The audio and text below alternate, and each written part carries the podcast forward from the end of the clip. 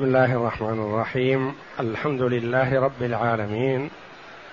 والصلاة والسلام على نبينا محمد وعلى آله وصحبه أجمعين. وبعد. بسم الله. أعوذ بالله من الشيطان الرجيم. بسم الله الرحمن الرحيم. يا أيها الذين آمنوا لا تقربوا الصلاة وأنتم سكارى حتى تعلموا ما تقولون ولا جنبا إلا عابري سبيل حتى تغتسلوا وإن كنتم مرضى أو على سفر أو جاء أحد منكم من الغائط أو لامستم النساء فلم تجدوا ماء فلم تجدوا ماء فتيمموا صعيدا طيبا فامسحوا بوجوهكم وأيديكم إن الله كان عفوا غفورا. هذه الآية الكريمة من سورة النساء جاءت بعد قوله جل وعلا فكيف إذا جئنا من كل أمة بشهيد وجئنا بك على هؤلاء شهيدا؟ يومئذ يود الذين كفروا وعصوا الرسول لو تسوى بهم الأرض ولا يكتمون الله حديثا. يا أيها الذين آمنوا لا تقربوا الصلاة وأنتم سكارى. الآية. يخاطب الله جل وعلا عباده المؤمنين بقوله يا أيها الذين آمنوا لا تقربوا الصلاة وأنتم سكارى. هذه هي المرحلة الثانية في تحريم الخمر.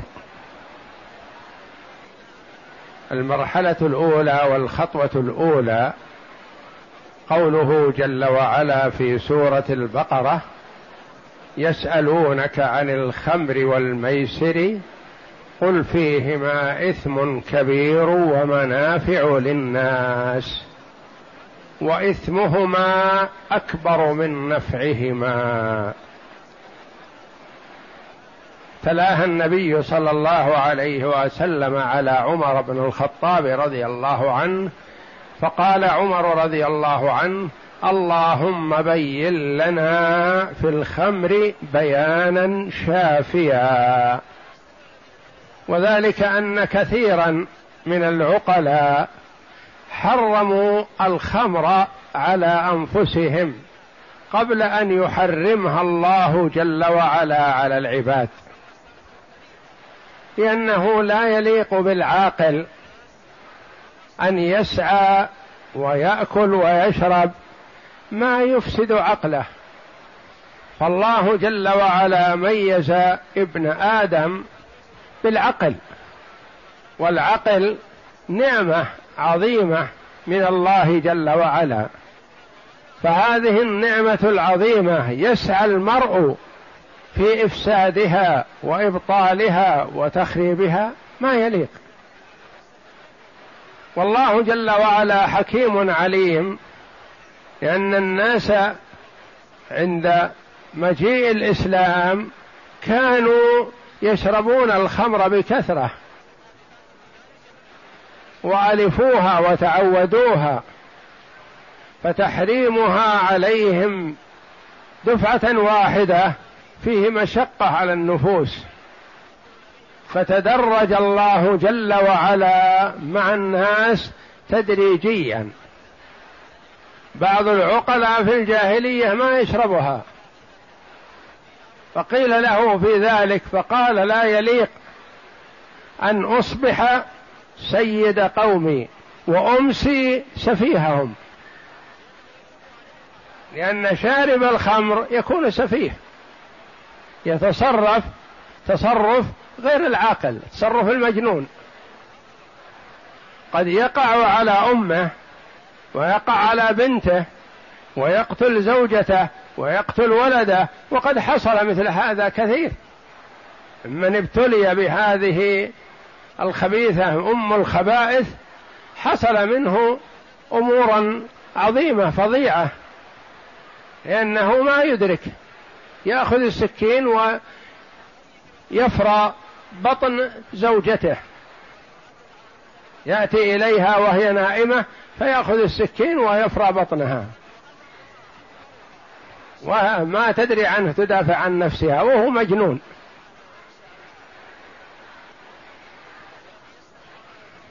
فالعاقل من العرب وعقلاءهم امتنعوا منها كثير منهم امتنع. وبعضهم يشرب منها بقلة. فالله جل وعلا تدرج مع العباد. أول ما نزل في الخمر قوله جل وعلا في سورة البقرة يسألونك عن الخمر والميسر قل فيهما إثم كبير ومنافع للناس. وإثمهما أكبر من نفعهما.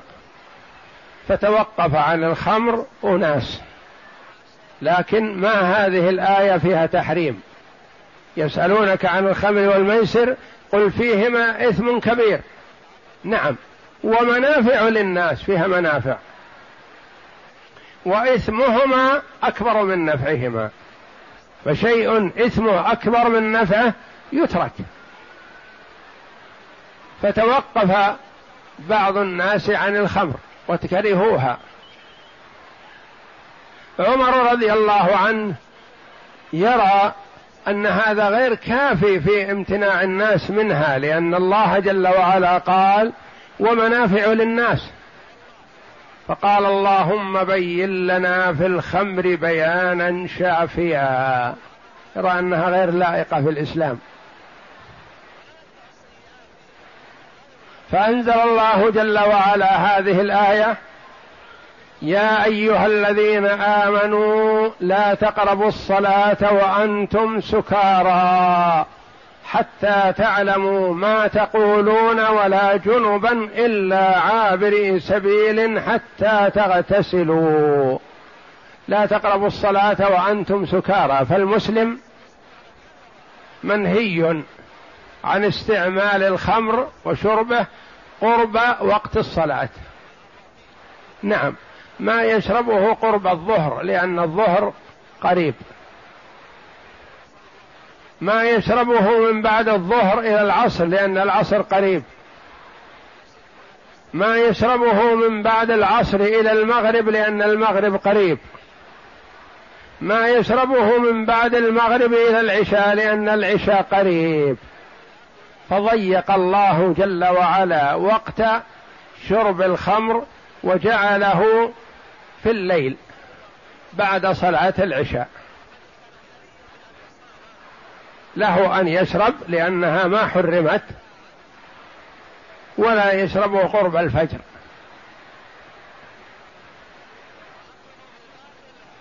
فقال عمر اللهم بين لنا في الخمر بيانا شافيا. لما نزلت هذه الآية لا تقربوا الصلاة وأنتم سكارى.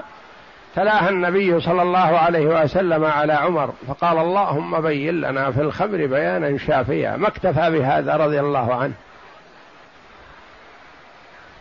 ضيق وقت استعمالها.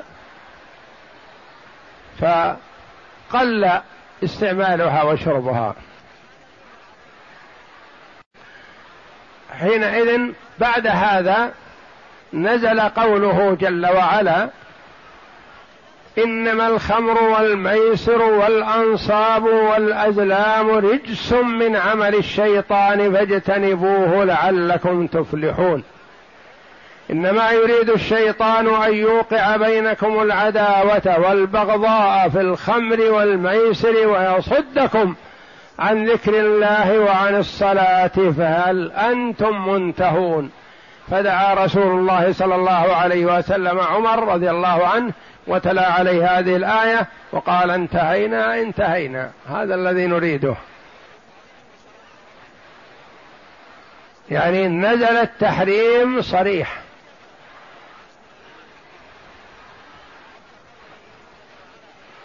ولهذا وهذا بين واضح. ولهذا لما شرب بعض الصحابة رضي الله عنهم ممن شهد بدر ومن فضلاء الصحابة شربوا الخمر متأولين.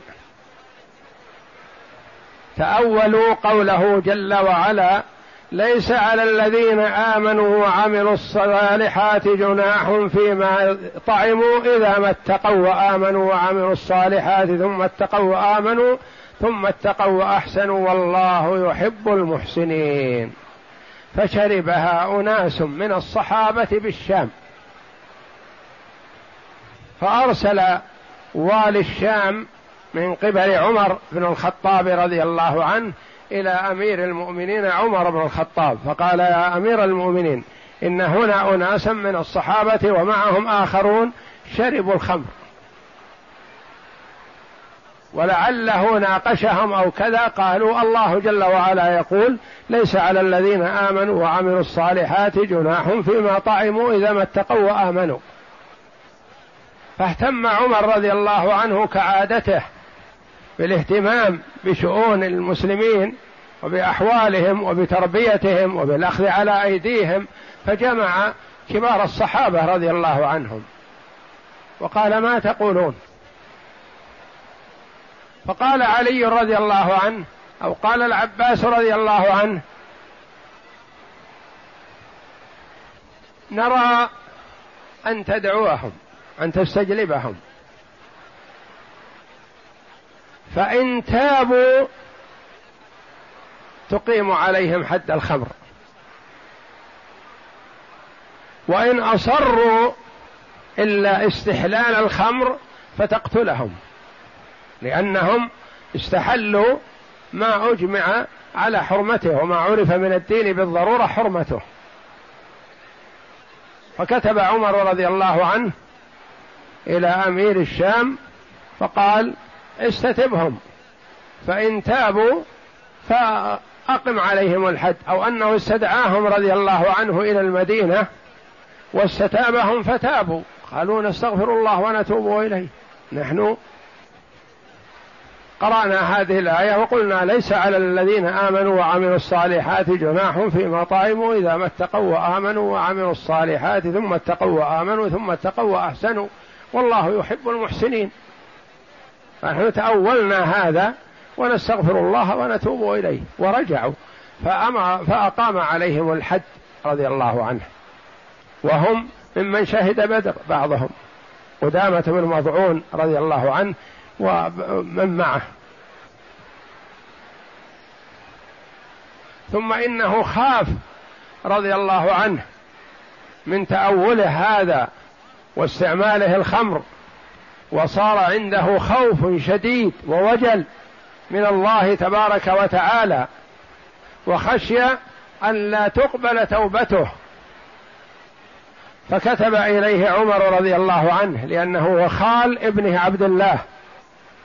خال عبد الله بن عمر وممن شهد بدر. فكتب عليه بسم الله الرحمن الرحيم حاميم. تنزيل الكتاب من الله العزيز الحكيم غافر الذنب وقابل التوب شديد العقاب ذي الطول لا إله إلا هو إليه المصير. ما أدري. إقدامك على شرب الخمر أو يأسك من رحمة الله أيهما افظع وأشد. يقول إنك أول أخطأت في الإقدام. الآن أخطأت في الخوف الشديد وشبه اليأس والقنوط من رحمة الله. يقول لا أدري أيهما افظع وأيهما أعظم ذنبا. فالله جل وعلا يتوب على من تاب.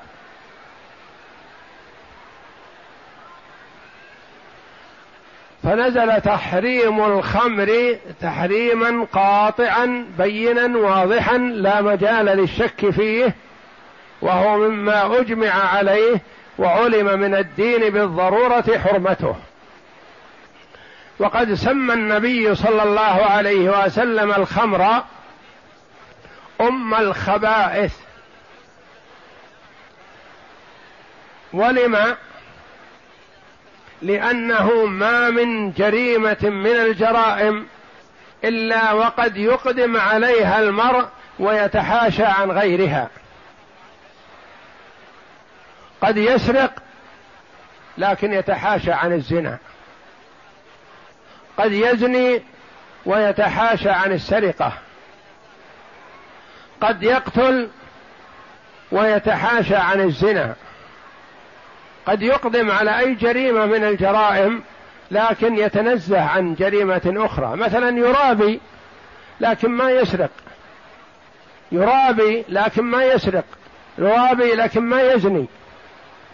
يعني يتعاطى كبيرة من الكبائر ويتحاشى عن غيرها مثلا يتنزه. لكن صاحب الخمر والعياذ بالله ما يتحاشى عن شيء. إذا شرب الخمر سرق وزنى وقتل وفعل الأفاعيل كلها ما يتحاشى لأنه فقد العقل. فلذا والله أعلم سماها النبي صلى الله عليه وسلم أم الخبائث.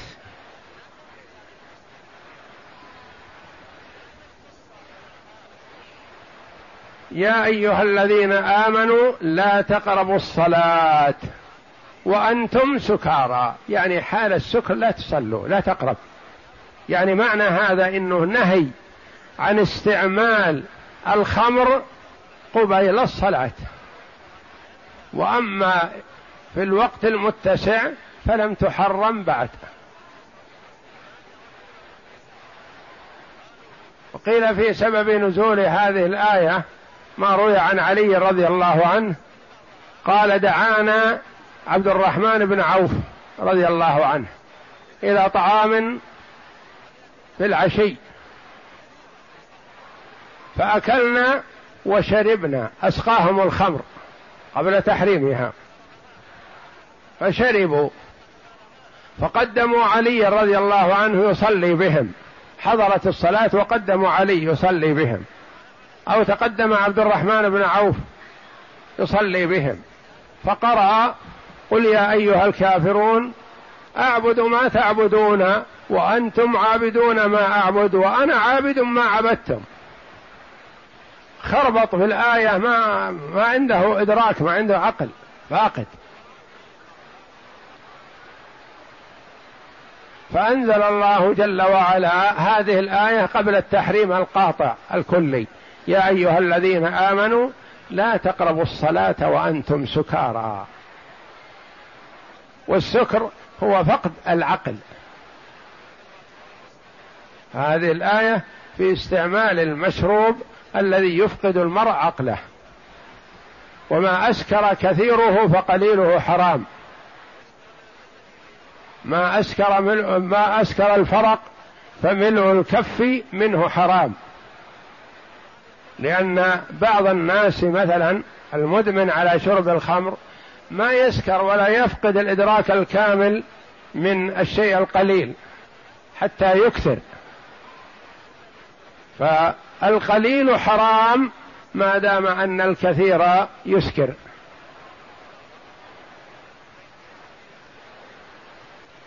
يا أيها الذين آمنوا لا تقربوا الصلاة وأنتم سكارى. حال سكركم. يعني لا تدخلوا في الصلاة وأنت غير مدرك لما تقول وتفعل.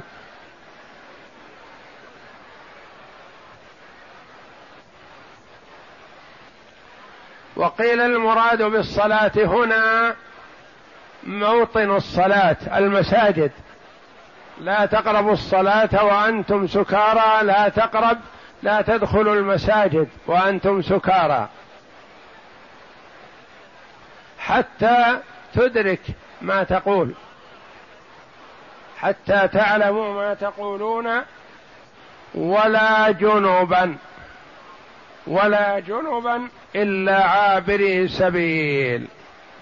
لا تقربوا الصلاة وأنت لا تقربوا الصلاة وأنت سكران. ولا تقربوا المساجد التي هي مواطن الصلاة إلا عابري سبيل ما المراد بعابر السبيل؟ ولا جنبا إلا عابري سبيل. لا تقرب المسجد وأنت جنب إلا مرورا فقط بدون مكث ولا يجوز المكث لمن هو على جنابة. فعابر السبيل مار. من باب إلى باب أو مدخل إلى مدخل وهكذا أو يأخذ شيئا ويخرج ولا يجلس في المسجد وهو جنب. وقيل المراد بعابر السبيل المسافر يعني لا تصلي وأنت جنب إلا إذا كنت مسافرا فتتيمم وتصلي. والقول الأول أشهر والله أعلم.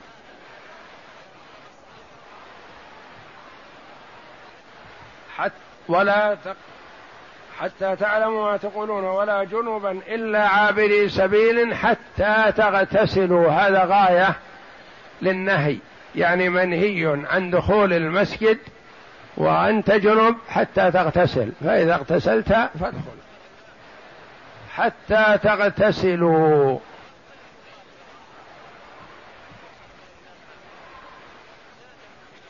والسكر معروف هو فقدان العقل الذي يميز به المرء. الأمور ويكون عنده تمييز للأشياء. وقد امتن الله جل وعلا على الأمة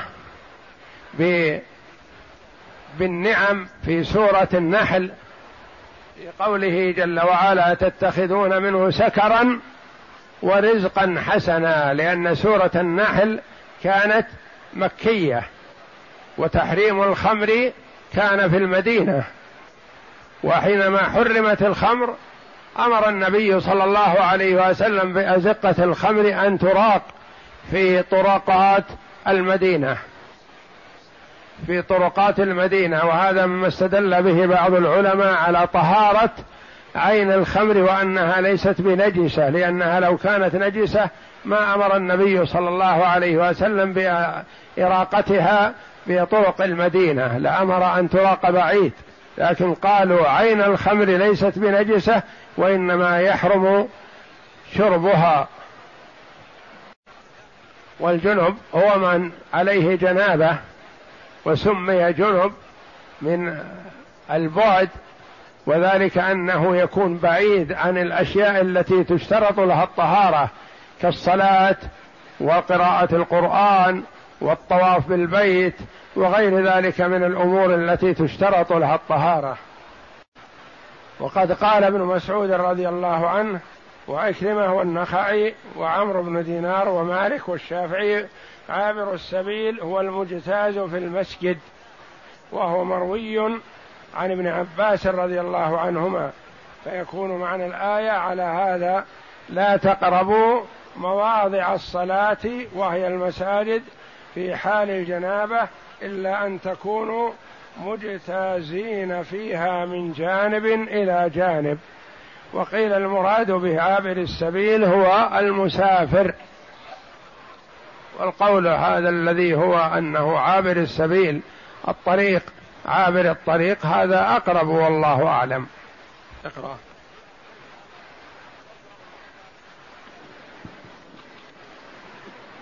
ينهى تبارك وتعالى عباده المؤمنين عن فعل الصلاة في حال السكر الذي لا يدري معه المصلي ما يقول وعن قربان محلها التي هي المساجد للجنوب إلا أن يكون مجتازا من باب إلى باب من غير مكث وقد كان هذا قبل تحريم الخمر كما دل عليه الحديث الذي ذكرناه في سورة البقرة عند قوله تعالى يسألونك عن الخمر والآيات في تحريم الخمر ثلاث. في سورة البقرة وهذه في سورة النساء والثالثة في سورة المائدة. والمائدة من أواخر ما نزل من القرآن. نعم. فإن رسول الله صلى الله عليه وسلم تلاها على عمر رضي الله عنه فقال اللهم بين لنا في الخمر بيانا شافيا. فلما نزلت هذه الآية تلاها عليه فقال اللهم بين لنا في الخمر بيانا شافيا. فكانوا لا يشربون الخمر في أوقات الصلوات حتى نزل قوله تعالى يا أيها الذين آمنوا إنما الخمر والميسر والأنصاب والأزلام رجس من عمل الشيطان فاجتنبوه لعلكم تفلحون. إلى قوله تعالى فهل أنتم منتهون؟ فقال عمر رضي الله عنه انتهينا انتهينا. وفي رواية عن عمر رضي الله عنه في قصة تحريم الخمر فذكر الحديث وفيه فنزلت الآية التي فيها النساء يا أيها الذين آمنوا يا أيها الذين آمنوا لا تقربوا الصلاة وأنتم سكارى حتى تعلموا ما تقولون.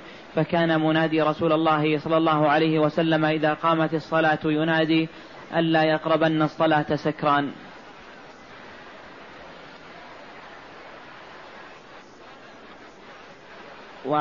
وسبب آخر عن علي بن أبي طالب رضي الله عنه قال صنع لنا عبد الرحمن بن عوف طعاما فدعانا وسقانا من الخمر فأخذت منا وحضرت الصلاة فقدموا فقدموا فلانا فقال فقرأ قل يا أيها الكافرون ما أعبد قل يا أيها الكافرون ما أعبد ما تعبدون ونحن نعبد ما تعبدون فأنزل الله قوله تعالى يا أيها الذين آمنوا لا تقربوا الصلاة وأنتم سكارى حتى تعلموا ما تقولون.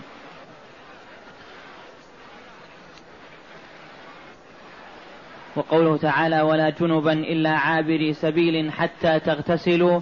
عن ابن عباس رضي الله عنهما قال لا تدخلوا المسجد وأنتم جنب إلا عابري سبيل. قال تمر به مرا ولا تجلس.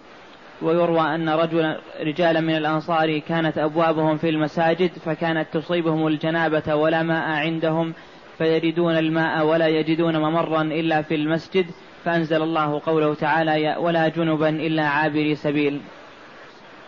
ويشهد لصحته ما ثبت في صحيح البخاري أن رسول الله صلى الله عليه وسلم قال سدوا كل خوخة في المسجد إلا خوخة أبي بكر وهذا قاله لأنه في كان في أول الأمر في مسجد الرسول صلى الله عليه وسلم كانت بيوت بعض الصحابة وأكثر الصحابة ملاصقة للمسجد وكانت أبوابهم على المسجد. فأمر صلى الله عليه وسلم في آخر حياته أن تسد كل خوخة على معناه أنه ما يكون المسجد مطرق لهم إلا خوخة أبي بكر الصديق رضي الله عنه. وذلك لأنه صلى الله عليه وسلم من الأمارات والعلامات التي تدل على أنه هو الخليفة من بعده صلى الله عليه وسلم. واستثنى خوخة أبي بكر تبقى وبقية المداخل التي من بيوت الصحابة رضي الله عنهم تسد وإلا كانت أبوابهم مشرعة في المسجد. نعم. وهذا قاله في آخر حياته صلى الله عليه وسلم علما منه أن أبا بكر رضي الله عنه سيري الأمر بعده. ويحتاج إلى الدخول في المسجد كثيرا للأمور المهمة فيما يصلح للمسلمين فأمر بسد الأبواب الشارعة إلى المسجد إلا بابه رضي الله عنه ومن روي إلا باب علي كما وقع في بعض السنن فهو خطأ. والصواب ما ثبت في الصحيح من هذه ومن هذه الآية احتج كثير من الأئمة على أنه يحرم على الجنب المكث في المسجد ويجوز له المرور وكذا الحائض والنفساء أيضا في معناه. إلا أن بعضهم قال يحرم مرورهما لاحتمال التلويث ومنهم من قال إن أمنت كل واحدة منهما التلويث في حال في حال المرور جاز لها المرور وإلا فلا. وقد ثبت في صحيح مسلم عن عائشة رضي الله عنهما قالت قال لي رسول الله صلى الله عليه وسلم أنا ناولني الخمرة من المسجد فقالت إني حائض قال إن حيضتك ليست في يدك. وفيه دلالة على جواز مرور قال النبي صلى الله عليه وسلم لعائشة ناوليني الخمرة بضم الخاء وهي الغطاء. غطاء أو فراش أمرها أن تناولها فقالت إنها لا تصلي في رواية وفي رواية إنها حائض. فقال النبي صلى الله عليه وسلم ليست حيضتك في يدك. فمعناه أنها تدخل لكن ما تجلس فيه. مأذون للحائض فيه. يؤخذ من هذا أن المرأة مثلا لها أن تدخل لرفقتها تناولهم شيء أو تأخذ منهم شيء في المسجد الحرام أو غيره من المساجد أو تدفع العربية بصاحبتها وإن كانت حائض لكن ما تجلس. إذا أوصلت ما تريد أو أخذت ما تريد أو أخبرت بما تريد أن تخبر به فتخرج. وتعود إذا كان لها حاجة في العودة ولا تمكث في المسجد الحائض وكذلك الجنب لا يمكث في المسجد. والله أعلم. وصلى الله وسلم وبارك على عبد ورسول نبينا محمد وعلى آله وصحبه أجمعين.